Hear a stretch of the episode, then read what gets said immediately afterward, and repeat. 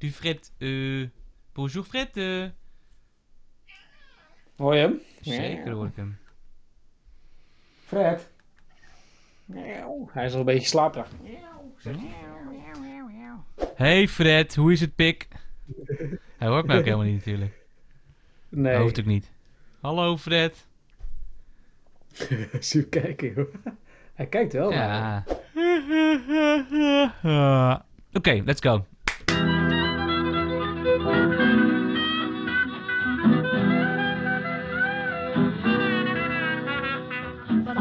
Zijn we weer. Aflevering 6 van seizoen 2 van The Bucketcast.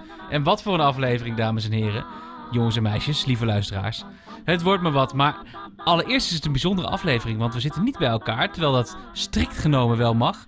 Maar vanwege de avondklok zit Daan in de Big K en zit ik in mijn studio. Het is warm, het is knus. Bij jou ook? Bij mij is het ook warme knus. En ik kijk uit op het water van de Westeinde Plassen. Ik kijk uit op een rommelige tuin in Utrecht. Hoe is het met je, Nou, mooi. Ja, het gaat heel goed. Ik heb een eh, vrij intensieve verhuizing achter de rug. daar gaan we straks natuurlijk wel iets meer over vertellen. Eh, maar nee, het gaat goed hoor. Het, een mooie, het is een mooie avond in Kudelstaat. Ja, in Utrecht is het ook niet verkeerd. Het is een beetje frissig, een beetje lekker koud is het buiten. Dat is ook fijn. Ik moet zo meteen nog even buiten om mijn huis in. En dan denk ik altijd wel even die frisse lucht inademen. Dat is heel fijn. Ik kan je wel vertellen, als je een paar jaar in de stad hebt gewoond, zoals ik, en je komt dan weer in het dorp, zoals ik nu ben, zeg maar, dan besef je ineens hoe hard het waait in de Ho- Noord-Hollandse polders. want, er, is- de- want er staan hier natuurlijk maar drie huizen in dat dorp, dus als je daar dan doorheen loopt, overal komt de wind vandaan. Dat is echt niet Ik was normaal. afgelopen weekend op Centerparks, in Centerparks, door Centerparks. Ja, Anyway, ik was in een park. begraven in ja, Centerparks. eh, ja. ik was daar. Eh, daar was ik ook, dat, dat is dan ook altijd in de middle of nowhere. En dan kom je ook altijd, dat daar is in één keer een stuk kouder. En normaal omdat er nu niemand is. We waren ook de enige denk ik in het hele park. En een of andere verkleed, eh, nou, verklede mensen. Maar dat was ook heel raar. Oké. Ja, die, die, die, die nou laat maar. Prima. Ja, een soort entertainment Soort voor papa en mama. voor papa Die mama, die, ook. ja, die kleine. Die was er natuurlijk ook. Dat Ja. was het eigenlijk, ja zeker. En eh, vandaag hebben we op de agenda best wel wat dingen staan, maar vooral ruim baan voor een heel mooi verhaal, hè? Ja, nou, ik- we moeten even vertellen. We hebben dat interview natuurlijk al opgenomen voordat wij nu hier aan het, eh, aan het babbeleneren zijn met Zeker. elkaar. En we moesten net wel even bijkomen Oh, ja. van dit interview. Ja, we willen nu niet ook zwaarder en groter maken dan het is, maar het is denk ik wel een van de mooiste interviews die we tot nu toe hebben gehad. Zeker. Ik ben ook erg blij dat Ton bereid was om ons iets te vertellen.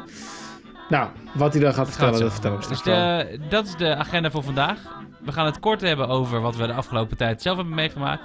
Dan ruim baan voor ons interview met Ton in het Veen. Dan bespreken we dat nog even Mhm. na en gaan we ook weer naar wat er de volgende keer aan zit te komen. Hopelijk in beter coronatijden. Op de achtergrond, Roland Mississippi van de Boswell Sisters. Daan, dat zijn de Spice Girls van de jaren 30. Niet waar? Ja, ik moest ver in de Wikipedia zoeken om erachter te komen wat ze nou precies hadden gedaan.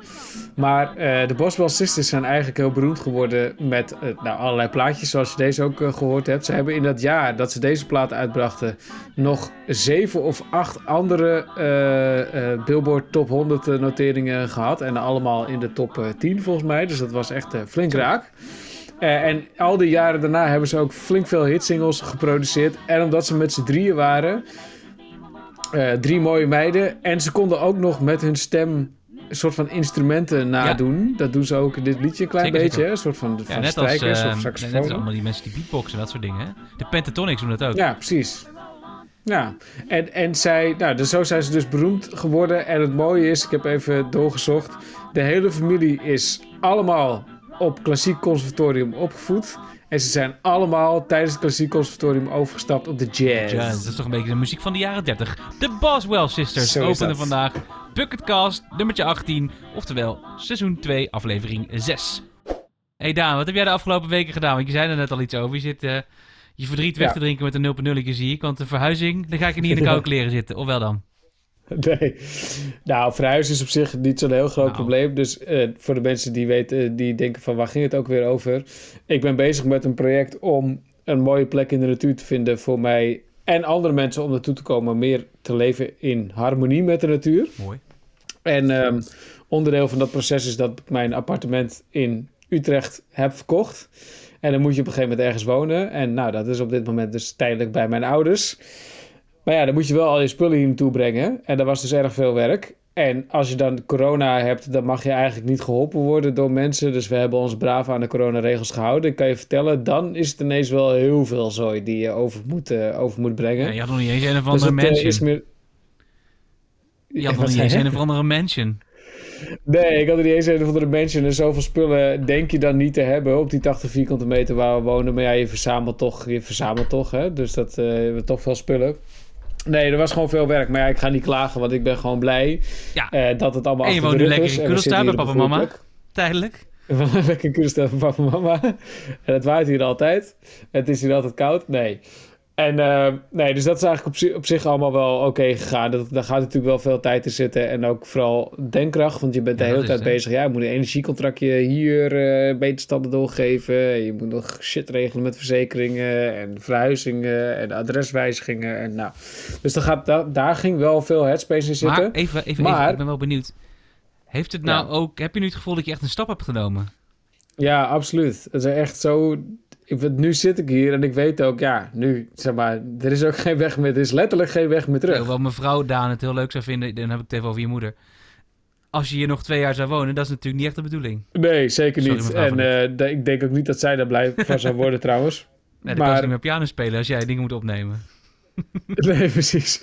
Maar Nee, dus het is wel inderdaad, dus nu, nu we echt geen weg meer terug hebben, is het, eh, voelt heel goed allemaal. Want nu is het gewoon, nou, dat hoofdstuk is afgesloten. En je kan nu, ik heb nu heel veel headspace om door te denken van hoe ga ik nou, hoe ga ik nou de komende maanden aanpakken. Dus dat is echt wel allemaal aan het ontstaan. Dus dit is gewoon een goede keuze geweest. Ja, en ik had ook nog op mijn bucketlist staan voor dit jaar, had ik beloofd, voor, uh, voor 2021 om een uh, spreekbeurt te geven, noemen we dat dan. Hè? Dus op een podium staan een verhaal te vertellen over de natuur.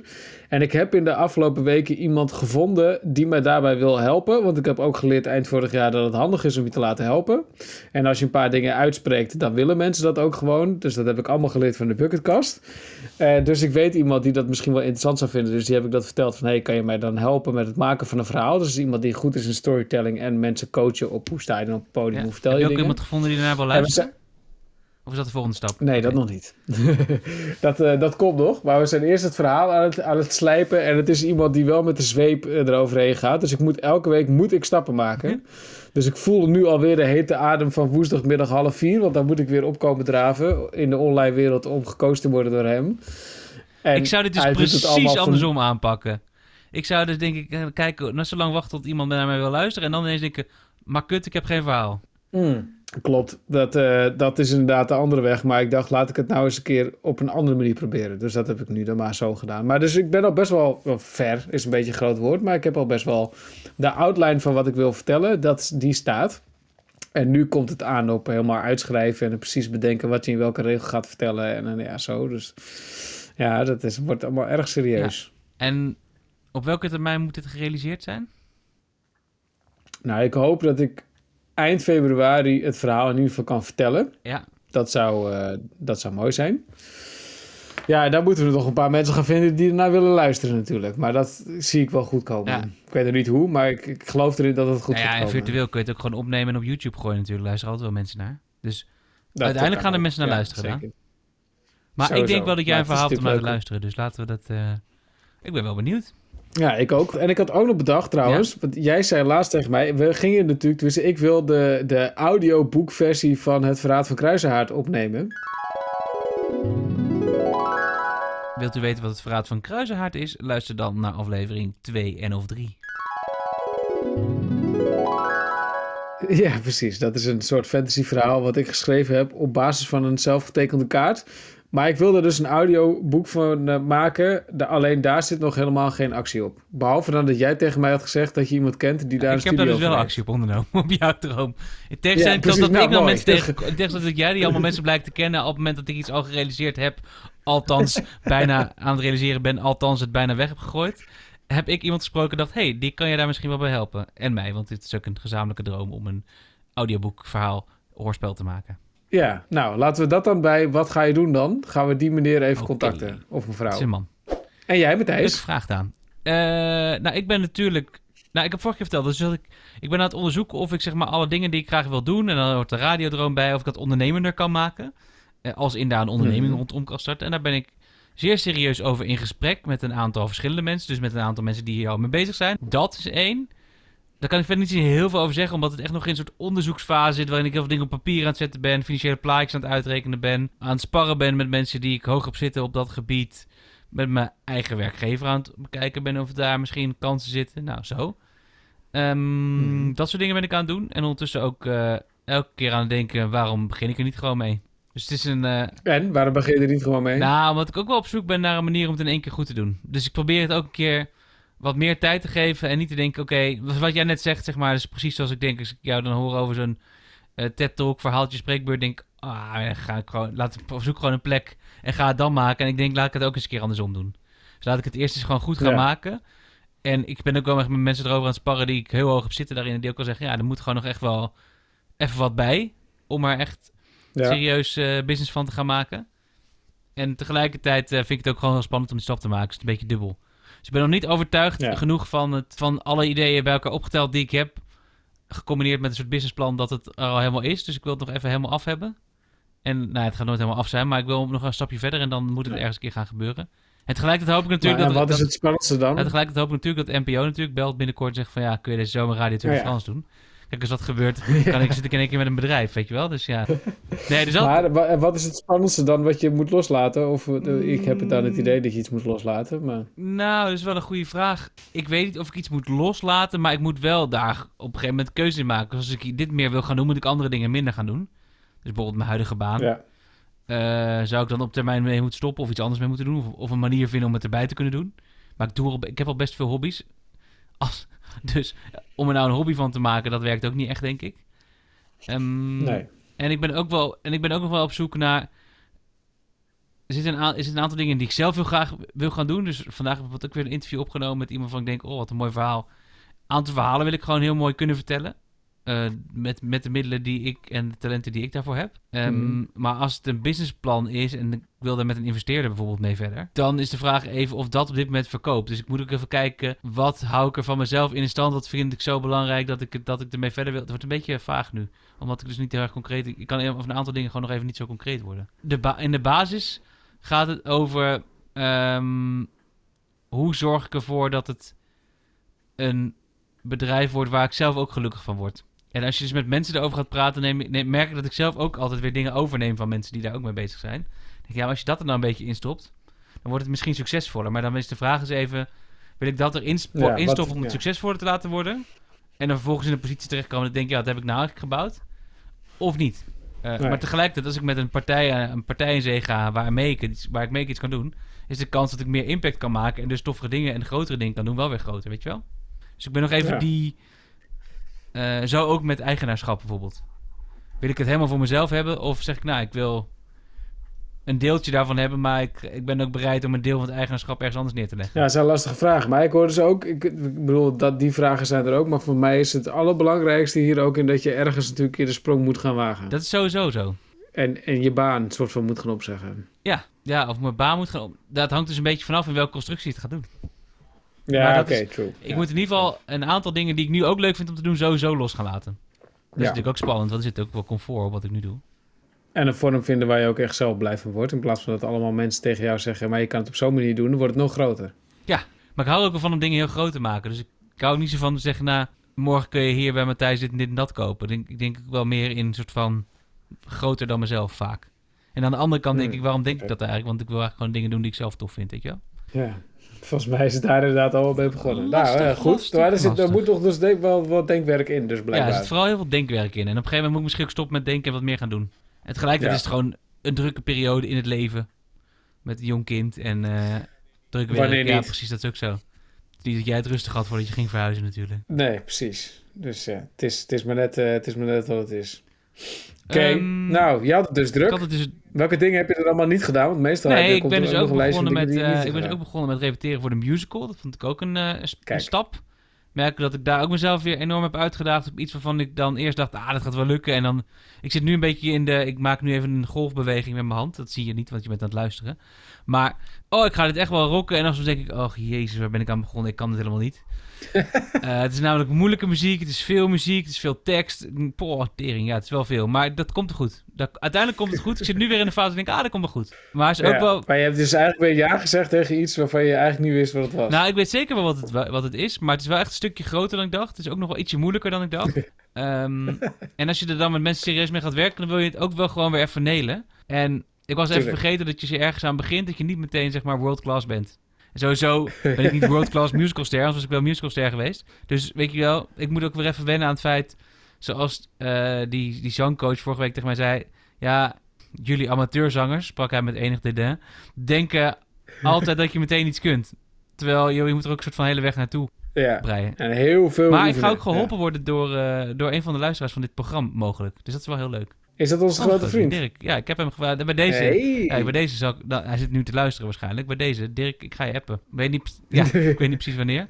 Wanneer ik ver genoeg ben om daar in te stappen. Want, eh, want we zijn nu nog echt wel in het, in het onderzoekende stuk van die musical. Maar ik heb wel besloten dat ik wel even me serieus wil laten helpen door iemand die hier zijn professie van heeft gemaakt zijn de Dirk ja, Nou, mooi. Maar dat, dat, is... een beetje hetzelfde als dat, dat ik een spreekbeurt wil geven. Daar zei inderdaad ook iemand tegen mij. Uh, niet diegene die mij nu helpt, maar iemand anders die dit ook professioneel mensen begeleidt. En die zei, je moet inderdaad niet denken dat als je dan je verhaaltje hebt geschreven... en je hebt een paar keer geoefend... dat je dan net zoals binnen je bedrijf een presentatie kan geven.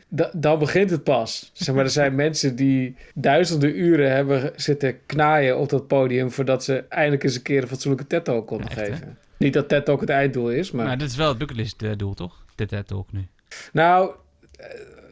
Komen we straks even op terug. De TED, daar, moet, daar moet nog een eitje over gelegd worden. Want TED Talk gaat heel vaak over echt alleen maar je eigen verhaal... en dan ben je meer aan het prediken. Zo moet het, is wat je eigenlijk in de TED Talk vertelt. En de vraag is of ik dat wil. Dat wil ik eigenlijk niet. Daar ben ik steeds maar achtergekomen.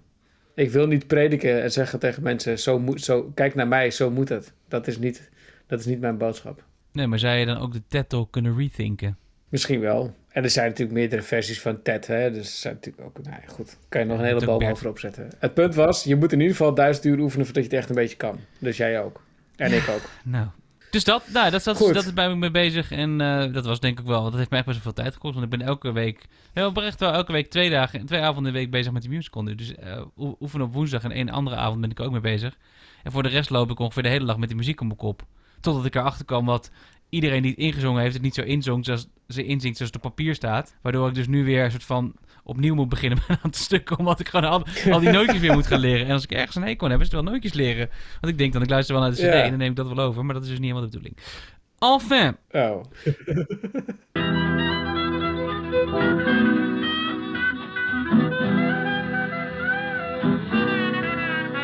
Iets heel anders, Daan. Wij hebben net gebeld, en gesproken met iemand en die heb ik leren kennen via een gast in mijn radioprogramma. Dus Middag Matthijs, elke zondag 12 tot 2, luister even.nl.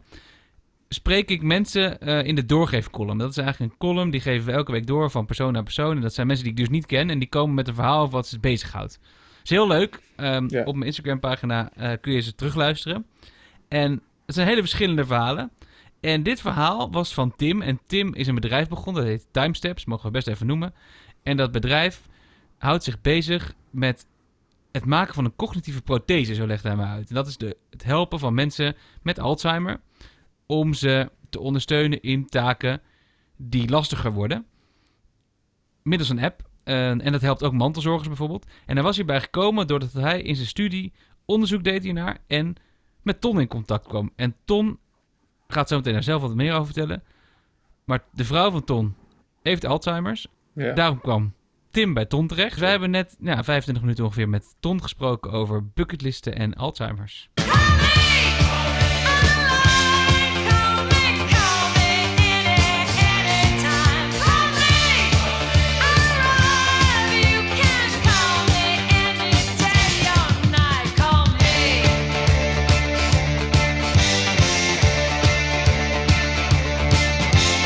In de Bucketcast aflevering 18 hebben we vandaag een bijzondere gast, namelijk Ton. Ton, goedenavond. Leuk dat je bij ons uh, wilt zijn om je verhaal te vertellen. Voordat we het gaan hebben over jouw bucketlist avonturen, uh, wie ben je en wat doe je? Nou ja, uh, mijn naam is Ton. Ehm, Ik, ik heb drie kinderen. Twee volwassen dochters al, van uh, 24 en 26. En nog een puber van 14, uh, een jongen die bij mij nog thuis woont. ik ben getrouwd. En ehm, helaas is mijn vrouw heeft Alzheimer op jonge leeftijd. Dus die is erg ziek. woont ook niet meer bij mij thuis. En qua werk, ik, werk, uh, ik ben bezig met het opzetten van een bedrijf. Samen met uh, Tim van Zanten. Ja, dat zei je al. Want jouw bedrijf heeft ook te maken met uh, de ziekte van je vrouw, hè, begreep ik? Ja, dat is volledig geïnspireerd vanuit haar ziekte. Zij heeft vier jaar geleden de diagnose Alzheimer gekregen. En ik heb gezien wat dat met haar deed in de afgelopen vier jaar. Haar zelfredzaamheid was, al op, was eigenlijk al vrij snel in het begin, nam dat enorm af. En de onzekerheid maakte dat nog erger. Dus als ze ergens onzeker over was, dan deed ze het maar niet. Dus ik zag gewoon dat haar leven heel snel beperkte, terwijl de ziekte nog niet zo snel vorderde als dat. Uh, dus dat liep niet tegelijk met elkaar. En zelf was ik, ik werkte fulltime, of meer dan fulltime. En uh, een puber in huis. Dus dan heb je, ja, dan heb je het gewoon heel erg druk en ben je niet echt voorbereid op, het, op de mantelzorg. En dan ben je van de ene dag op de andere dag ben mantelzorger. En waar mensen niet bij stilstaan is dat dat al heel snel een fulltime baan is. Dus ik heb vooral heel erg veel last gehad van de Nederlandse overheid met regeltjes. En je komt in de wereld van de afkortingen. Uh, de hele zorg draait om afkortingen. En voordat je daar wegwijs in bent, ja, dan ben je een half jaar verder. En al die tijd dacht ik van, nou ja, als daar nou een oplossing voor was, en dan ging ik zoeken, technische oplossingen. En dan kon ik ze niet vinden, dan waren ze er simpelweg niet. En als ik al iets vond, dan deed het maar de helft van wat ik nodig had.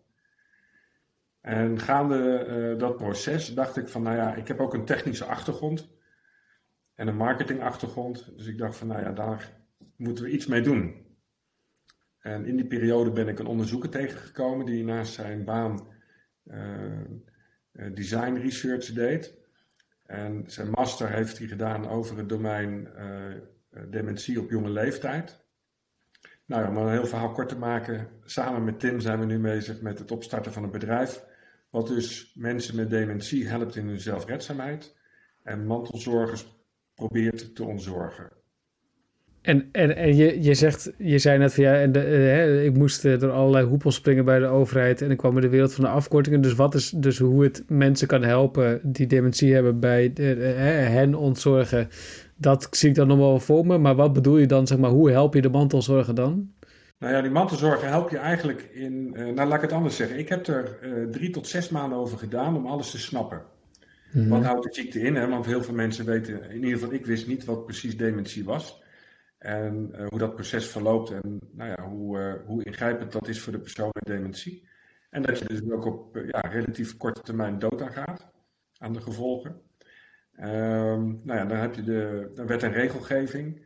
Nou, al die, die hele periode heb ik daar zo'n drie tot zes maanden over gedaan. En toen belde op een gegeven moment, na een paar jaar, belde een vriend van mij op. En die vertelde mij dat ook zijn vrouw Alzheimer had. En toen hebben we afgesproken. Toen heb ik eigenlijk in drie uur tijd heb ik tijdens de lunch hem ongeveer mijn drie tot zes maanden aan informatie gegeven. Dus in feite sta je met 2-0 achter als je mantelzorger wordt. En wat wij nu willen proberen is om met 2-0 voor te staan. Maar dan, ja, toch, toch het, is, het is bijna uh, een soort van... Ik vind het nu al fascinerend om te horen, zeg maar, over uh, de, de, uh, het verhaal wat je vertelt... en de hele soort van logica die erachter zit... om dus deze mensen echt op een andere manier, noem ik het dan maar even, te helpen... Uh, maar het is natuurlijk ook de bucketcast. Hè? Dus je bent ook met, met bucketlisten aan de slag te gaan in dat hele proces. Kun je, kun je daar iets over vertellen? Want daar zijn we erg benieuwd naar. Ja, nou, ik zal als laatste dan aangeven dat hetgeen waar ik nu mee bezig ben voor mij persoonlijk een bucket dingetje is. Ja, ah. mooi. Maar dat kan ik dan wel mee afsluiten. Maar de, ja. nee, ik heb uh, vier jaar geleden kreeg mijn vrouw dus de diagnose Alzheimer. En vrij snel daarna uh, gaf ik dat aan op mijn werk en ging mijn werkgever eigenlijk van de ene dag op de andere dag daar heel moeilijk over doen. Want die zag mij natuurlijk ook als uh, risicofactor omdat ik uh, mantelzorger werd voor mijn vrouw. Oh ja. En mijn zoon was op dat moment tien jaar in huis, dus die had en heeft ook alle aandacht nodig. Dus zij, zij maakte het mij eigenlijk vrij moeilijk. al vanaf het begin. En dat heeft mij tot denken gezet. En toen dacht ik op een gegeven moment van ja, dan ga ik de strijd aan hè, met collega's of met mijn baas of met wie dan ook om te bewijzen dat ik wel goed functioneer. Ja. Het gaat ten koste van mijn vrouw en de aandacht die ik heb voor haar. En als je dan weet, hè, de ziekte eh, Alzheimer is progressief. Dus dat betekent eigenlijk dat het gaat steeds een beetje slechter. En dat is gewoon één lijn naar beneden. Hmm. Dus die, dat, dat, er zitten misschien een paar hiccupjes bij, of dat het een klein beetje stabiliseert, maar eigenlijk is het gewoon bijna schuine doorgetrokken getrokken lijn naar beneden. Dus in feite, en dat geldt misschien wel voor ons allemaal, alleen we, we beseffen het ons niet zo, maar elke dag als je wakker wordt, dan begin je aan de allerbeste dag van je leven. Dus wat ga jij nou doen met de allerbeste dag van je leven? En als je s'avonds in bed ligt en je overdenkt de dag, hè, kun je dan lekker gaan slapen als je weet, ik heb met de allerbeste dag van mijn leven, heb ik alles uitgehaald. Nou, en dat gevoel, dat wilde ik mijn vrouw, maar ook vooral mezelf, dat wilde ik ons gunnen. Wow. En ja, Mooi. en toen heb ik het op een akkoord gegooid met mijn werkgever. En heb ik gezegd, ik heb letterlijk, ik heb letterlijk gezegd, ik wil eh, anderhalf of twee jaar lang mijn bucketlist afwerken en jij gaat het betalen. en, eh, We luisteren, we luisteren. luister, want het is uiteindelijk de grote baas daar, is een hele sympathieke man. En hij heeft ook woord gehouden. Hij heeft ook gezegd, dat ga ik doen voor jou, Ton. Je hebt Zo, al die jaren bij ons gewerkt en ik ga dat voor jou doen. En dat heeft hij gedaan. En dat was ehm, ja, in eerste instantie heel onwerkelijk, want voor het eerst kun je weer uitslapen. Voor het eerst ga je weer nadenken over, ja, maar hadden we dan een bucketlist? Ja, had je een bucketlist? Was ik wel heel benieuwd Ja, naar. precies. Ja, wa- was er al een lijst? Ja. Nou ja, er zijn altijd wel dingetjes waarvan je denkt, oh ja, dat wil ik nog wel een keer doen. en Dat wil ik nog wel een keer doen. Maar wij zijn wel eh, hele gelukkige mensen en hebben eh, een, een heel rijk, en dan rijk in de, niet in de financiële zin, maar gewoon een heel rijk leven al gehad. Eh, dus ja, echt een hele bucketlist van dingen waarvan je zegt, dat moet ik gedaan hebben voordat ik doodga. Nee, dat hadden we niet heel bewust. Maar ja, als je daar dan de tijd voor krijgt om erover na te gaan denken, en ook de financiële ruimte om alles te doen wat je maar wil, dan, eh, ja, dan ontstaan er allerlei wensen. En, en vooral ook keek ik naar mijn vrouw, hè, die, die nou ja, ter Schelling, dat was ongeveer de maximale afstand die ze eh, had om, om te gaan reizen. Hmm. En ik zei, we gaan de wereld zien. Nou, dat, dat was er nou niet echt bovenaan haar bucketlist eh, stond. dat, eh, ja, ik, ik was er ook nog, dus we wilden dat toch combineren. En ik zei, ja, ik wil je dingen laten zien waarvan ik weet, dat vind je fantastisch. Dus ja, zo is dat allemaal ontstaan. En, maar en nou, nu zijn we natuurlijk wel benieuwd. Eh, Neem ons even mee, want je zei voordat we op de recordknop drukten, zeiden we ook van hey, eh, eh, we hadden jou eh, een vraag ter voorbereiding gestuurd. Wat, wat hebben jullie dan allemaal gedaan? Wat stond er op die bucketlist? En toen kwam jij er ineens achter dat het een halve A4 was. Nou, we kunnen het niet allemaal beantwoorden, maar doe even de kerst op de taart, eh, Ton. Wat, Ja, waar- eh, wat heb je allemaal meegemaakt? Waar begonnen jullie mee? Wat was het eerste Ja. dat jullie gingen doen? Ehm, het aller, allereerste, dat was, ehm, en, en dat was impulsief. Mijn vrouw die zei eh, op een gegeven moment, eh, ik, heb nog, ik heb mijn hele leven honden gehad, maar ik heb nog nooit een puppy gehad. en eh, ik ben extreem impulsief, dus ik heb er een nacht over geslapen, want een puppy is een levend dier, daar moet je wel over nadenken. En Ja. nou goed, we zijn wel honden gewend. Maar ik heb er een nacht over geslapen en een dag later gingen we een puppy ophalen. Wauw. Dat, is, ja, dat was het eerste wat we gedaan hebben. En eh, ja, daar ben ik ongelooflijk blij mee. Ondertussen weet ze al lang niets meer van de honden af. Dus Hmm. herinnert ze zich niet meer. En eh, soms als ze een foto ziet nog wel. Dus ze is al heel ver weg. Ja. Maar ja, ze lag bij de hond in de mand. En ja, dat was pure liefde. En ja, zo mooi om te zien. Eh, vrij snel daarna zijn we naar Schotland gegaan, naar de Hooglanden. Ja. Ik heb een spirituele vrouw die dat ook erg mooi vindt om, om terug te gaan naar de natuur en waar het rauw is en puur. En ik zei, joh, weet je, we pakken ook de auto gewoon. We rijden gewoon naar Schotland, een stukje met de boot. En we zijn door de hooglanden heen gereden. En net die winter was het, eh, in maart was het geloof ik, maart, april, lag er nog overal sneeuw. En ja, dat is zo bijzonder mooi land. Eh, zulke vriendelijke mensen. En ja, het meer van Loch Ness. We hadden daar een hotelletje. Het was net Miss Marple. Alles was nog uh, ja, als 50, 60 jaar geleden. En we keken uit over het meer van Loch Ness. En heerlijk gegeten en heerlijk gedronken. En nou ja, dat soort dingen, dat is... Maar de reis op zich was ook al een doel. Hè, als je door dat landschap heen rijdt.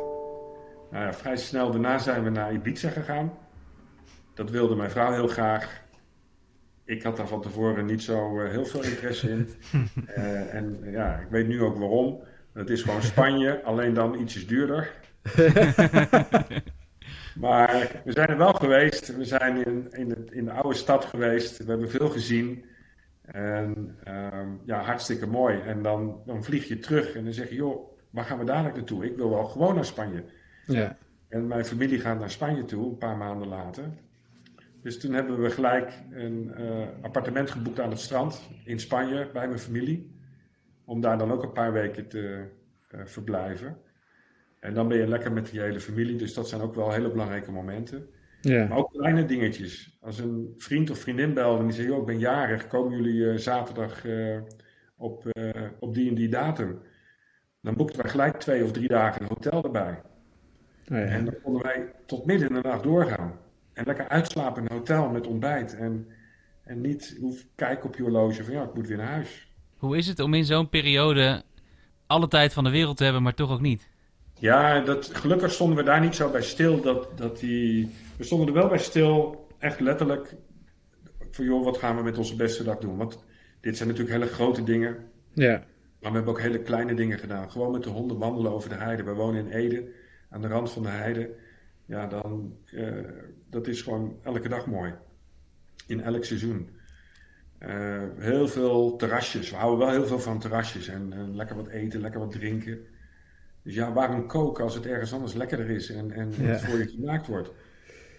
Uh, maar ook veel delen. Dus delen, verhalen delen met vrienden en vriendinnen.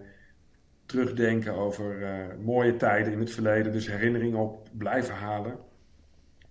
Ja, dat zijn wel ja, dat zijn wel gewoon hele mooie, mooie dingen die we gedaan hebben. Maar, maar had je in het proces, even om op Matthijs' vraag terug te komen, zeg maar, had je in het proces niet af en toe het idee van, ik kan me ook voorstellen, van de tijd ontglipt me of zo, weet je wel. Natuurlijk, je bent op je pizza en het is mooi, het terrasje pakken en...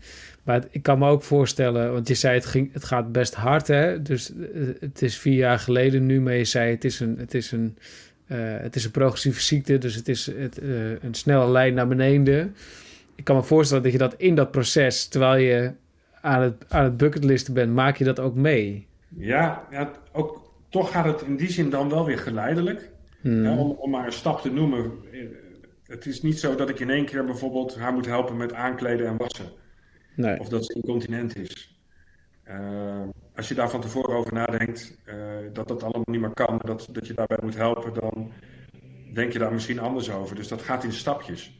Ja. en dat begint met een keer dit en dat begint met een keer dat. Dus eigenlijk moet ik eerlijk zeggen, ja, ik heb niet zo dat gevoel gehad van. Uh, ik wist natuurlijk wel, hè, gemiddeld staat er acht jaar voor, hè, vanaf diagnose tot overlijden. Oké. Okay. Um, maar ik denk, ja, dit, dit, kan misschien nog wel een jaartje of vijf, zes duren. Hmm. Um, dat kwam ook omdat ik altijd thuis was. Omdat ik altijd thuis was, was zij niet overprikkeld. En had zij geen stress. En doordat zij geen stress had, werd dat ook niet erger, het ziektebeeld. Nee. Maar de ziekte gaat wel gewoon door. Ja. En dat merkte ik eigenlijk op het moment dat ik uh, financieel weer moest gaan werken. Want uiteindelijk hield het wel een keer op. En, uh, en ik het werk ook wel miste hoor. Ik miste ook wel het, de, de volwassen gesprekken, zeg maar Want op een gegeven moment ging dat gewoon ook bijna niet meer. Hmm. Uh, en toen ging het echt in. Uh, ik ging op 1 februari werken en 1 september was ze opgenomen in het verzorgingshuis. Ja. Dus toen ging het wel ineens heel erg snel. Ja.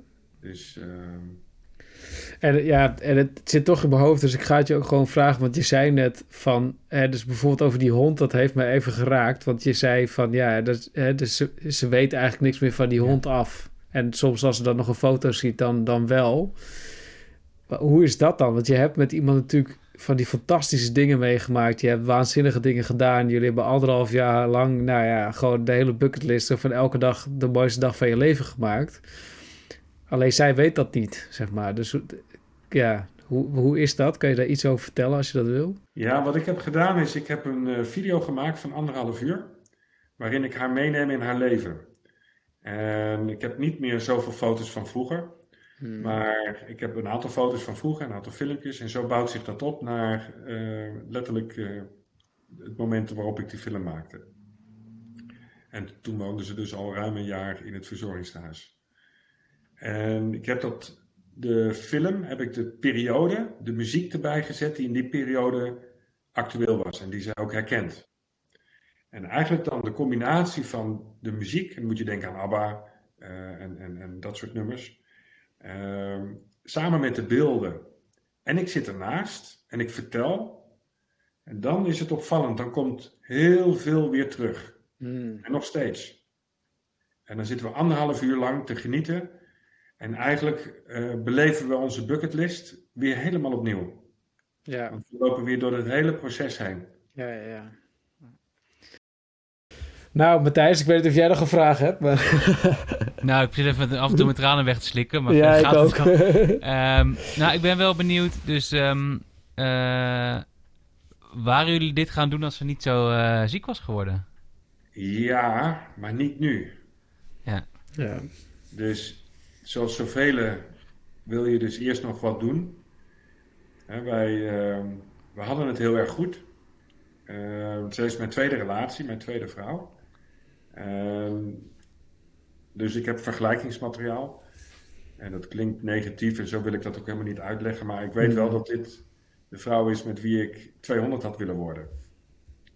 En, ehm, dus wij hadden wel voorgenomen om niet tot onze 65ste of 70ste te blijven werken. En wij kunnen met veel minder af dan, uh, dan dat we nodig of we hadden veel meer dan dat we nodig hadden. Hmm. En ja, het ging ons niet om de, uiteindelijk niet om de kwantiteit. We hadden allebei niet de wens om 100 te worden.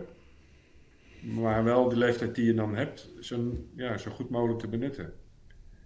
En daarnaast, mijn vrouw heeft altijd gewerkt voor uh, en met uh, verstandelijk beperkte kinderen. Ook altijd lichamelijk beperkt. En dat heeft zij, ze heeft letterlijk daar 30 jaar op de kop af, letterlijk op de maand nauwkeurig 30 jaar is ze daar in dienst geweest totdat ze zelf ziek werd en uit dienst ging. En ze ging na 30 jaar of na 29 jaar nog even fluitend naar haar werk als de allereerste dag. En ja, daar wilden we wel heel graag wat mee doen. Dus we wilden we allebei hadden we de wens om iets te doen voor de maatschappij en dan niet samen. Hè, ergens een opvangtehuis beginnen voor verstandelijk beperkte kinderen of wat dan ook. In de natuur en, uh, en wat honden opvangen. Nou ja, hm. De mooie kleine dingen die heel erg waardevol zijn.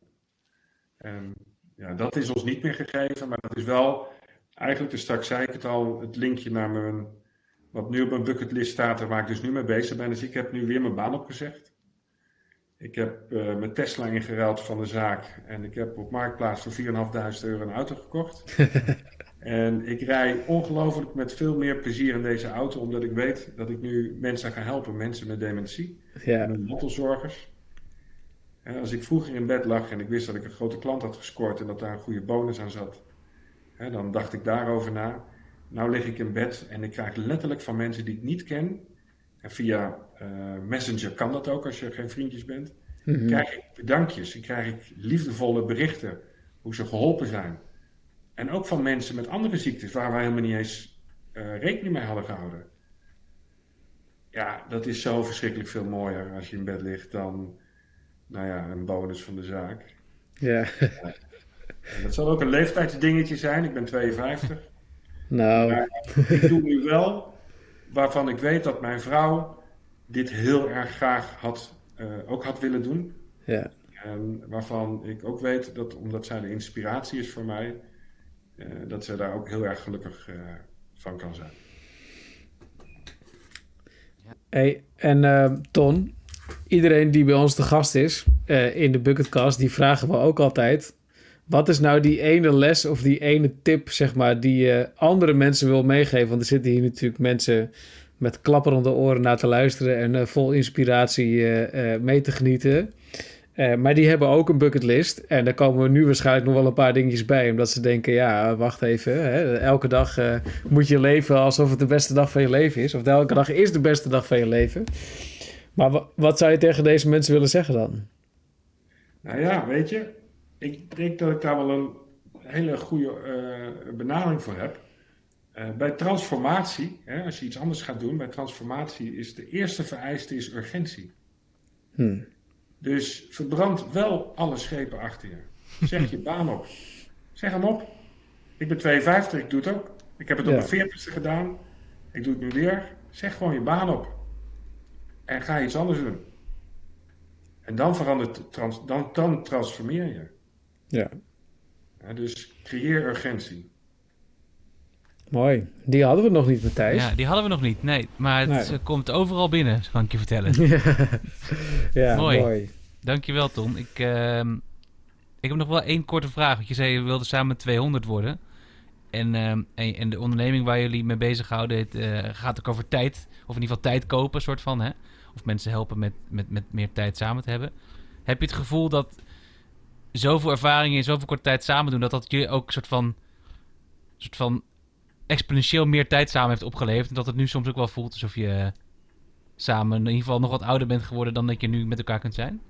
Ja, ik heb wel het gevoel dat zij door waar ik nu mee bezig ben altijd bij me blijft.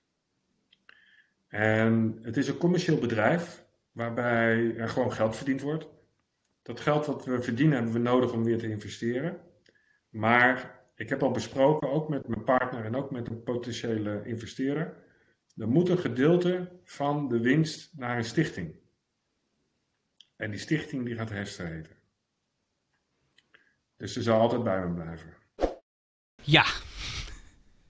Ja, ja wat moeten we daarover ja, zeggen, uh, dit, Dus wat we net al zeiden, we hebben dit iets eerder vanavond opgenomen, want dat past iets beter in de agenda van Ton. En dat, zo doen we dat vaak. Maar we hebben er ook wel, ik ben nog steeds een beetje op het kou, maar we hebben er net ook wel, ik heb met tranen in mijn ogen in dat gesprek gezeten een paar keer. Ik ook. Ik heb letterlijk, ik heb echt meerdere malen in het gesprek de rillingen liepen over mijn lijf. En dat heb ik, nou, ik weet niet of ik dat uh, ooit in mijn leven heb meegemaakt. Niet bij een van onze gasten in ieder geval tot nu toe. En zeker, zeker niet, nee, nee, zeker, zeker niet, niet omdat het slechte verhalen waren, maar dit is zo, zo rauw en echt en persoonlijk. En ook zo'n soort van mooi aan de ene kant en aan de andere kant soort van een van de verschrikkelijkste dingen die ik me kan voorstellen dat je mee kunt maken dat ik er helemaal... Maar ik vond het mooi, wat ik, het, misschien wel het mooiste compliment aan Ton, want er zijn natuurlijk een heleboel mooie dingen over Ton te zeggen. Hij heeft er echt alles van gemaakt. Uh, maximale uit het leven gehaald. Uh, en hij strijdt nu volgens mij vol passie voor andere mensen die ook dit soort dingen meemaken, om die te helpen en al die dingen te geven die hij in die beginfase samen met zijn vrouw niet heeft gehad. Dus dat is allemaal heel noemenswaardig. En zeker grote complimenten. Maar wat ik ook mooi vind is. Ergens bekroop mij ook in het gesprek ineens het gevoel: ja, het is niet zielig. Hè, want je denkt, nee, nee, nee, ik, toen jij mij dit. Het is helemaal niet zielig. Sorry. Sorry. Nee. Het is wel verdrietig. Maar toen jij mij dit verhaal vertelde, toen dacht ik, dan denk je natuurlijk gelijk van, hè, we zaten ook net te denken, ja, stel je voor, je denkt natuurlijk ook gelijk aan je eigen partner. En dan denk je ook van, oh jeetje, als mij dat er overkomt, oh super heftig en wat zielig voor Ton. Maar hoe Ton erover vertelt, is ook heel waardig of zo. Het is gewoon, ja, het is, het is helemaal niet zielig. Het is gewoon waardig en natuurlijk shit gebeurt en het is helemaal niet leuk. En ik kan me voorstellen dat het een super heftig proces is. Maar Ton vertelt daar zo waardig over. Er zit zoveel gewoon rust in en zoveel... Ja, ik weet helemaal niet zo goed wat het woord is, maar hij straalt iets uit waarvan ik denk, daar kan ik echt oneindig veel respect voor hebben. Ja, en dat sowieso. En hij uh, vertelt het ook niet zwaar of zo, hè? Dus het is wel... Nee, precies. En dat hebben we hem helemaal niet gevraagd. Dus daar zou ik alleen maar aannames over kunnen doen. Ik weet niet of hij het als zwaar ervaart. Ik kan me voorstellen dat het natuurlijk wel verdrietig is en pittig om dit mee te maken. Ja. Maar ik heb dus ook niet het idee, of zoals hij het vertelt, en ook zoals hij een soort van op een quest is nu om er wat moois mee te doen, denk ik dat hij er ook op een of andere manier weer kracht uit put en ook andere mensen weer kracht uit wil laten putten. Dat raakte mij wel eigenlijk heel erg. Dat eigenlijk alles, hij draait alles naar, naar, naar een positieve, of in ieder geval naar een van kant, waardoor er het, het, het, het winst oplevert voor hem of voor een ander. En dat, dat uitzicht voor mij heel erg ook in die vraag die hij eigenlijk helemaal aan het begin al erg gesteld. Zegt, ja, wat nou als je erover nadenkt dat elke dag de mooiste dag van je leven is? Wat ga je dan doen? Ja, ja. Ik vind het wel mooi, want er zijn natuurlijk de Tony Robinson Ik wil van net deze zeggen, wereld. Tony Robbins zou die fucking vraag ook kunnen stellen, maar dan denk je, ja, Ja, Tony Robbins, jij, jij krijgt hier een, miljoen, een Robbins, miljoen per eh, half uur voor. ja, Maar hier denk ik, Maar- ik, elke keer als ik het herhaal, dan krijg ik er een knoop in mijn maag van. denk ik, ja. Waarom de fuck ben ik niet aan het doen wat ik elke dag, het elke dag de mooiste dag van mijn leven zou maken? Whatever dat ook mag Ja. zijn, hè? Maar hoe komt het dan dat zo'n ton meer impact heeft dan Tony Robbins? Ja, dat weet Bij ik niet. Ik weet niet wat Tony Robbins heeft meegemaakt. Maar bij Ton Nee. weet ik het wel. Ja, precies. Het is ook gewoon authentieker of zo. Ja.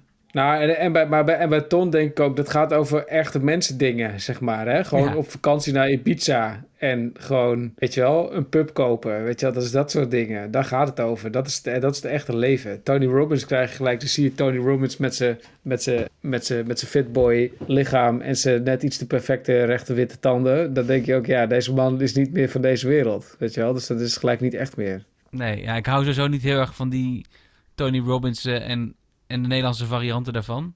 Nee.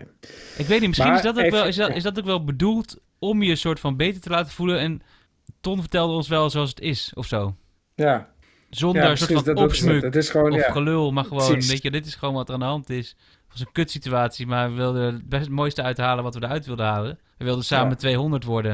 En we hebben in ieder geval zoveel tijd met elkaar besteed dat het, dat het, dat, dat het er nog een beetje op geleken heeft, weet je wel zo. Ja, En wat ik er dus ook wel uithaal is dat het gaat niet eens om al die dingen die hij gedaan heeft, maar ook door ook het gezelschap wat hij erbij haalt en de context waar hij het in kon doen. En het feit dat hij er, in, zoals ik het gehoord heb, in ieder geval heel bewust van genoten heeft ook. ja, absoluut. Ja, en nog steeds wel, volgens mij. Bedoel, bewust van genieten eigenlijk, ja, zeker. Ja, zijn vrouw zit nu in het verzorgingshuis, maar ik bedoel, hij is nog steeds ja, alive and kicking en helemaal in dit proces natuurlijk. Dus eh, ja, maar hebben, en hebben we er ook iets van geleerd? Want je, ergens voelden wij volgens mij allebei tijdens het gesprek dat je natuurlijk voor jezelf ook gaat nadenken van ja, haal ik dan wel alles uit het leven? En lig ik daar s'avonds in mijn bed en denk ik, eh, dit was echt, eh, dit was echt veel top en wat een voldoening haal ik hier allemaal uit? Ehm, dus dat zit me sowieso wel aan het denken natuurlijk. Maar hebben we nog meer geleerd van Ton? Nou, ik vind dus de, wat ik net zei, de vraag die hij stelt, dat is wel mijn, mijn les eigenlijk misschien wel. Je moet je dat niet continu afvragen. Wordt je leven wel heel groot Ja. van, tegelijk. Maar jij appte mij vorige week die tekst van het liedje van Joep van het Hek, wat ik ook ooit een keer Ja, gezongen oh heb. ja, ik moest er net aan denken. Wat ik ook ooit een keer gezongen heb. Eh, Niemand weet hoe laat het is. Ik heb dat een keer gezongen bij iets wat we op werk toen deden. Toen ik ook een keer iets voor het eerst ging doen. Misschien is daar ooit deze hele bucketcast wel ontsproten. Toen ik ooit voor, toen ik dacht ik wil ooit een keer een conferentie schrijven. En dat we voor werk een keer gedaan heb. Waar, die ik opende met, eh, met dat lied. Ja, Dat is het wel heel Ik erg heb- voor mij. ja, want Joep zei, en misschien moet ik toch die quote maar even bijhalen. Deze dag, Is de Oh, eerste van de rest van mijn leven. precies, deze dag is de eerste van de rest van mijn leven. Dat denken er velen bij een ontbijt. Terwijl ik altijd denk, Ik heb nog maar ik even. heb nog maar even. Dus dit wordt de laatste van een prachtige tijd. En dat is eigenlijk precies ook wat, eh, wat onze vriend Ton eh, natuurlijk zegt. Deze dag is de eerste van de rest van mijn leven. Dat denken er velen bij hun ontbijt. Terwijl ik altijd denk, ik heb nog maar even. Dit wordt de laatste van een prachtige tijd. Dus moeten we dansen en moeten we vrijen. Moeten we lachen en drinken vol vuur. Lief, hou me vast, want nu ben ik nog bij je. Tijd is toch geld, dus het leven is duur. En ik merk elke dag dat ik me vergis. En dat er dan nog een dag over is.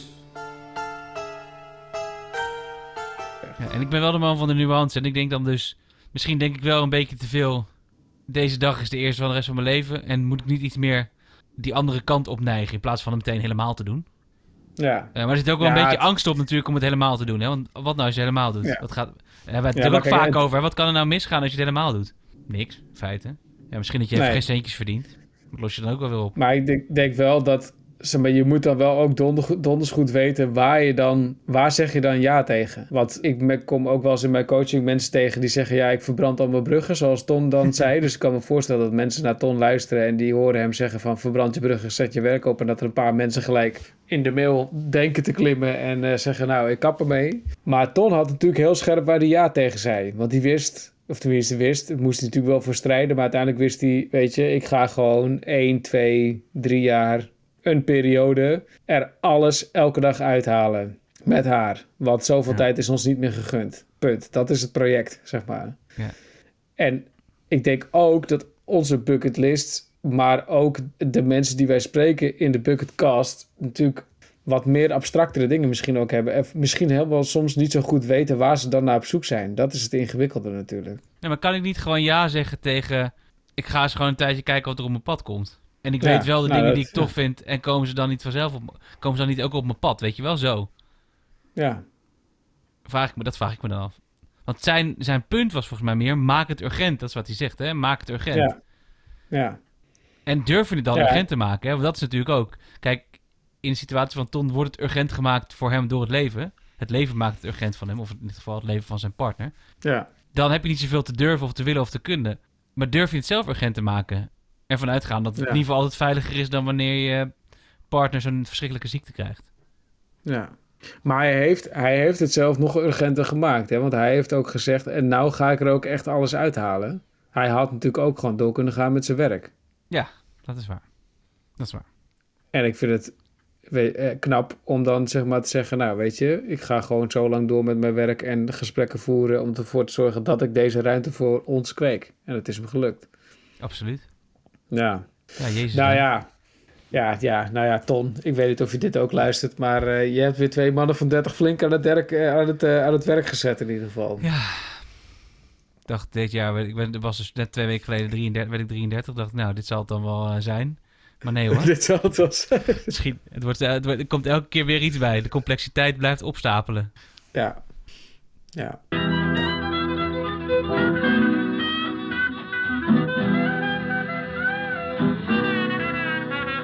Hebben we nog luisteraars die iets naar ons op hebben gestuurd? Dirk, heeft iets Nou, naar ons opgestuurd?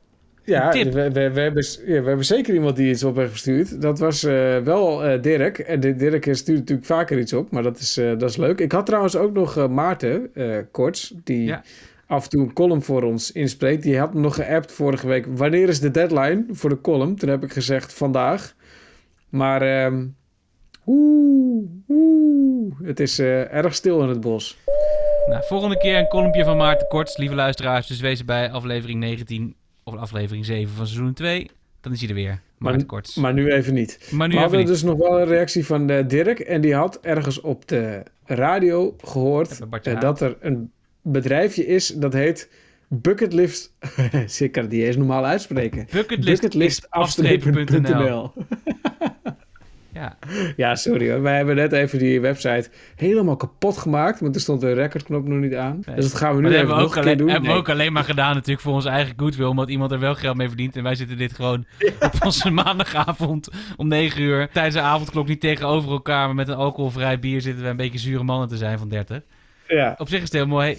Ik, ik ben dus wel benieuwd eh, of mensen die luisteren dit ook kennen en wat jullie hiervan vinden. Uh, bucketlistafstrepen.nl Ik, ehm, Wat ik er dus lastig aan vind, Daan, is... Wij doen dit ook niet helemaal omdat we hier dus rijk mee willen worden. En misschien zijn we ook wel te goed Nee. voor deze wereld. Al hadden we hier Ja. rijk mee kunnen worden, hadden we misschien ook meer mensen mee kunnen helpen. Ik weet het niet. En ik weet niet of deze mevrouw hier rijk mee wordt trouwens. Nee, ik ook niet. Maar ik ben wel benieuwd wat mensen van dit soort dingen vinden. En, hoe, en, en, en ik kan me ook wel voorstellen dat, kijk, wij doen natuurlijk ook gewoon een soort van zelfhulp. En ergens zijn we natuurlijk ook wel. Ja, kijk, aan de ene kant kun je zeggen, wij doen dit voor, eh, alleen maar voor onszelf. Maar we, ma ja, we gaan ook niet praten in de microfoon alleen maar voor onszelf. In de hoop dat niemand er naar luistert natuurlijk. Dus wat dat betreft Nee. hebben wij ook de Nee, illusie dat wij mensen hiermee aan het helpen zijn. Dus misschien zijn we wel ook wel met net zo in hetzelfde rijtje, stra- in hetzelfde rijtje te plaatsen als Paulien van bucketwist.afstrepen.nl. Ja, maar we krijgen natuurlijk bij de, bij de, de naam van het bedrijf natuurlijk al een klein beetje... Jeuk. Maar, we worden af en toe ook wel eens een beetje eh, onheus bejegend door de buitenwereld. Omdat bucketlisten is natuurlijk iets voor eh, witte sneakers, eh, bebaarde IPA drinkende mannen. Ehm, maar dat zit dus precies in deze wereld. Het is een soort van het hele superficial. Het, voelt zo oppervlakkig gelijk, zeg maar. Ja. En terwijl wij wat zijn ook volgens zelf ook heel vaak aan het verdedigen, hè, natuurlijk, over dat... Ja, maar we zijn niet alleen maar bezig met op reis naar Bali. Terwijl, ja, Nee. maar als dat nou toch de droom van je leven is, hebben we net ook alweer geleerd van Tom. Ja, Ja, Ja. eh, we zijn er misschien wel mee bezig. Het gaat dus niet alleen Ja. om eh, eh, wat je doet, maar ook waarom je het doet en met wie. Maar dat is wel de vraag dus voor de luisteraars. Wat vind je er dan van? Zeg maar, dat je geholpen zou worden bij je, bucketli- bij je bucketlist afstrepen. Want dat is eigenlijk natuurlijk waar zo'n bedrijfje dan over gaat. Ja, zou je, en bijvoorbeeld, zou jij een workshop boeken voor je vrijgezellenfeest? Iedereen een bucketlist. Ja, of een live show, bucketcast, op je vrijgezellenfeest. ja, Doen wij gewoon. wij doen dat voor jou, hè? En ik zou zeggen, voor de eerste groep die komt, doen wij het voor 249 euro. Jezus. Ja, het zijn vast een slechte 250 aanbieding. euro, dat kunnen wij misschien gewoon... Oh, ja. Nee, Oh, maar wat ik zou, ik zou best wel met Pauline in gesprek willen. Dus Ben of ken jij Pauline? Laat het ons even weten. We vinden het heel leuk om met Ja, jou hier ik verder denk niet te dat ze praten. nog belt naar wat we net verteld hebben. Jezus. Ja, oké, goed Nee. Oké, supergoed. hey, Daan, Wat, wat, wat wil je doen dan? wat ga je doen dan? Wat gaan we doen dan? Nou, ik had er helemaal vergeten te vertellen net bij de introductie. Maar ik ben natuurlijk hier in de BK ook eh, bij de tuin die ik van mijn vader in Bruikleen had. Dus ik kan hier allemaal hartstikke toffe dingen doen in de tuin. Want nu ben ik er de hele tijd. Dus wat ik eh, gedaan heb, ik heb, ik wist niet dat, zo, dat het zo heette, dus nu klink ik heel wijs. Maar ik heb dus al een takkenrail gemaakt afgelopen week. Weet je wat het is, Matthijs? Een takkenrail. Ja, je, hebt een foto, of je staat een fotootje van op je Instagram, dus nu weet ik het. Met Ja, er zat ego een foto. Met ego-huisje. Maar wat je ziet, je ziet daar wel eens, dat zie je heel vaak trouwens. Gewoon, het is een soort van afscheiding. Je kan een hek maken, zeg maar, van afgeknipte takken van bomen. En die steek je dan allemaal zo horizontaal tussen palen. En dan ziet het eruit als een muurtje. Eh, en ik heb een hele laag gemaakt, want in een takkenrail komen beestjes. Oeh, beestjes. Dus ik ben voor de biodiversiteit in de tuin ben ik beestjes aan het kweken in de takkenrail. Ja. En ik heb er ook een egelhuisje. Tenminste, ik heb samen met vrouwlief iets gemaakt waarvan we hopen dat het een egelhuisje wordt. Dus ik ga binnenkort ook zo'n nachtcamera kopen en dan die dan erop zitten. En dan hoop ik dat ik, dat ik beelden heb van een egel. Nou, dus dat heb ik gedaan. En ik ga de komende weken bezig met eh, eh, regeneratief eh, moestuinieren. Waar mijn vader nog steeds niet van snapt wat het is. Ik ook niet, denk ik. Maar het is waarschijnlijk en, goed voor de eh, grond. wat zei je? Goed voor de grond, toch? Regenerative Het is goed voor de grond, ja. Dus je gaat niet meer eh no dik, hè. Dus je gaat niet meer eh, lopen spitten en ploegen. Dat is allemaal niet meer van deze tijd. En je gaat vooral zorgen dat je natuurlijk zonder bestrijdingsmiddelen... en dat de natuur zelf zijn werk kan doen. En zoveel mogelijk alles wat er groeit laten groeien. Nou, dus dat, dat, ga ik dan, daar ga ik in ieder geval mee beginnen. Ik ga verder met mijn spreekbeurt. En ik wil dus heel graag met die persoon in contact komen... die ons kan helpen bij het maken van het Fruit van Kruishaard... de audioboekversie. Ja, want... Daar had ik je nog niet over verteld natuurlijk, maar als ik toch even op het knopje Nee. druk voor mezelf. Wat, wat, wat wil je doen dan? Ik ben dus ook in contact geweest vanuit zeg maar, zeg maar, mijn ondernemersdrive en nadenken over wat wil ik eigenlijk gaan doen en hoe ga ik dat ook kapitaliseren. Althans, kapitaliseren klinkt weer zo eh, alsof ik er heel veel geld aan wil verdienen. Maar hoe kan ik er ook van leven? En Ja. ehm, ben ik in contact gekomen met een aantal mensen. Een van zijn podcastmaker, die overigens ook naar onze podcast heeft geluisterd en daar best wel over te spreken was. Oh, leuk. Dus dat was leuk. Ehm, en eh, die zei ook, nou, als jij zo'n eh hoorspeldroom hebt, daar wil ik ook wel eens een keer aan meewerken. Lijkt me wel tof. Het is een audio-engineer. Dus die heb ik benaderd. En eh, tegelijkertijd, want dat is dus ook eh, meteen het volgende wat ik ga doen. Er zijn een aantal projecten op mijn pad gekomen of in mijn hoofd gekomen. Waarvan ik dacht, ja, als ik dus toch ook er geld mee wil gaan verdienen, moet ik misschien ook gewoon zelf een aantal dingen gaan maken. Althans, met een aantal mensen gaan sparren over hoe kan ik nou een paar mooie dingen maken die ook geld opleveren of bekendheid. Want geld is niet het hoofddoel op zich. Eentje gaat ook over Alzheimer trouwens. Ehm, want ik heb naar iemand die ik ken bij de Alzheimer Stichting een berichtje gestuurd. Dat heb overigens helemaal los hiervan. Eh, Mhm. Met een podcast pitch dat gaat over... Laat ik even weten wat je ervan vindt als je hier naar luistert. Maar ik krijg al tranen in mijn ogen als ik erover nadenk. Verhalen die je niet wil vergeten. Dus ik wil podcasts gaan opnemen met mensen die in een vroeg stadium van Alzheimer zi- zitten. Waar we één verhaal bespreken wat ze niet willen vergeten uit hun leven. Holy shit. Ja. Dat is een supergoed idee. I know. Ik was hier zelf ook heel enthousiast over. En degene die ik geappt heb ook... maar dus- waarom heb je dit niet tegen, net tegen Ton gezegd? Ja, omdat... Ja, weet ik eigenlijk niet. Goeie vraag. ja, die gast kent toch superveel mensen waarschijnlijk in die wereld waar jij nu op zoek bent om dit eh, te lanceren. Ja, Nou, maar ik ken dus ook iemand die in het bestuur van de Alzheimer Stichting zit. Dus die had ik erover benaderd. Oh ja. Dus toen had ik eigenlijk niet over nagedacht dat Ton hier natuurlijk ook op zich wel mee bezig is. Ja, dus zo is er eentje. En ik heb nog iemand die ik ken die zich eh, heel erg met slavernij bezighoudt. En die is historica. En die zegt, ik wil daar wel eens een keer wat mee doen. Dus daar ga ik van het weekend ook mee sparren over. Dus ik wil een aantal maatschappelijke thema's. Ik heb, merk gewoon dat ik zin heb om daar, om, om de dingen die ik de afgelopen tijd geleerd heb over podcasts en zo, daarvoor in te zetten. Dat is heel leuk. Eh, ik ga natuurlijk verder met musical repeteren. En nou ja, weet je, verder kijken we wat er op mijn pad komt. Oh ja, eh, verder Ja. met mijn onderneming natuurlijk. En je ging je baan opzeggen. Oh nee, toch niet. Nou, ooit ga ik mijn baan wel opzeggen, ja. Nee, ik zit hier een beetje Maar mijn baas luistert ook, hè, jongens. Komt dat ton, ja. Als mijn baas hier naar ze luisteren, was ik waarschijnlijk al lang ontslagen. Maar eh, goed, dat. Hé, hey, daar zijn ze weer, Daan. Mooi. De Ja. Roswell Sisters. Onze vriendinnen, onze Spice Girls. Onze Spice Girls van de jaren 30. Spice Girls van de jaren 30. Ze hebben met ons meegedaan. Ik was eh, erg... Er was, wat was mijn afleveringetje wel, Daan? Zeker. Ton, bedankt. Da- Dirk weer bedankt voor een tip. We hebben het ook nog even wat luchtiger kunnen houden deze keer. En Maarten, bedankt voor je column alvast voor de volgende keer. Yes. Je hebt geluisterd naar aflevering 6 van seizoen 2 van het Bucketcast. Daan zit in Kuelstaart en ik zit hier in Utrecht in een warme knussenstudio. En we hebben heel erg genoten van jouw aanwezigheid. En natuurlijk van alle mensen die mee hebben gewerkt aan deze aflevering. Wil je zelf ook een keer meewerken? Dat kan. Ga naar thebucketcast.com en daar vind je ons contactformulier. Maar daar vind je ook allerlei informatie over de gasten die we hebben gehad. En foto's, video's en andere vormen van content die we ooit hebben gemaakt rondom deze podcast. Je kan ook naar instagram.com slash thebucketcast. Daar vind je ook extra content en dan kun je met ons in contact komen. En mocht je nou denken, hey, ik vind het een leuke podcast. Laat het dan even weten. Maar liever nog, geef ons 5 sterren op Apple Podcasts. Of zoveel als je het waard geeft, maar doe maar 5. En geef ook even een reactie. Dan kunnen meer mensen ons vinden. Heb je geen Apple Podcasts? Denk je, nou, Apple die mag het niet van me weten. Dikke prima. Ga dan naar Spotify. Druk op deel en stuur het via WhatsApp of een ander kanaal naar al je vrienden, familie en andere bekenden. Dit was het voor deze week. Eh, tot over een paar weken, want dan zijn we er weer. Corona voor lente. Misschien weer eens een keer bij elkaar. Zou mooi zijn. Dat was hem, Daan. Tot snel. Proost. Toedeloe. Zo, nou, dat hebben de jongens dan weer mooi voor elkaar. Had ze flats.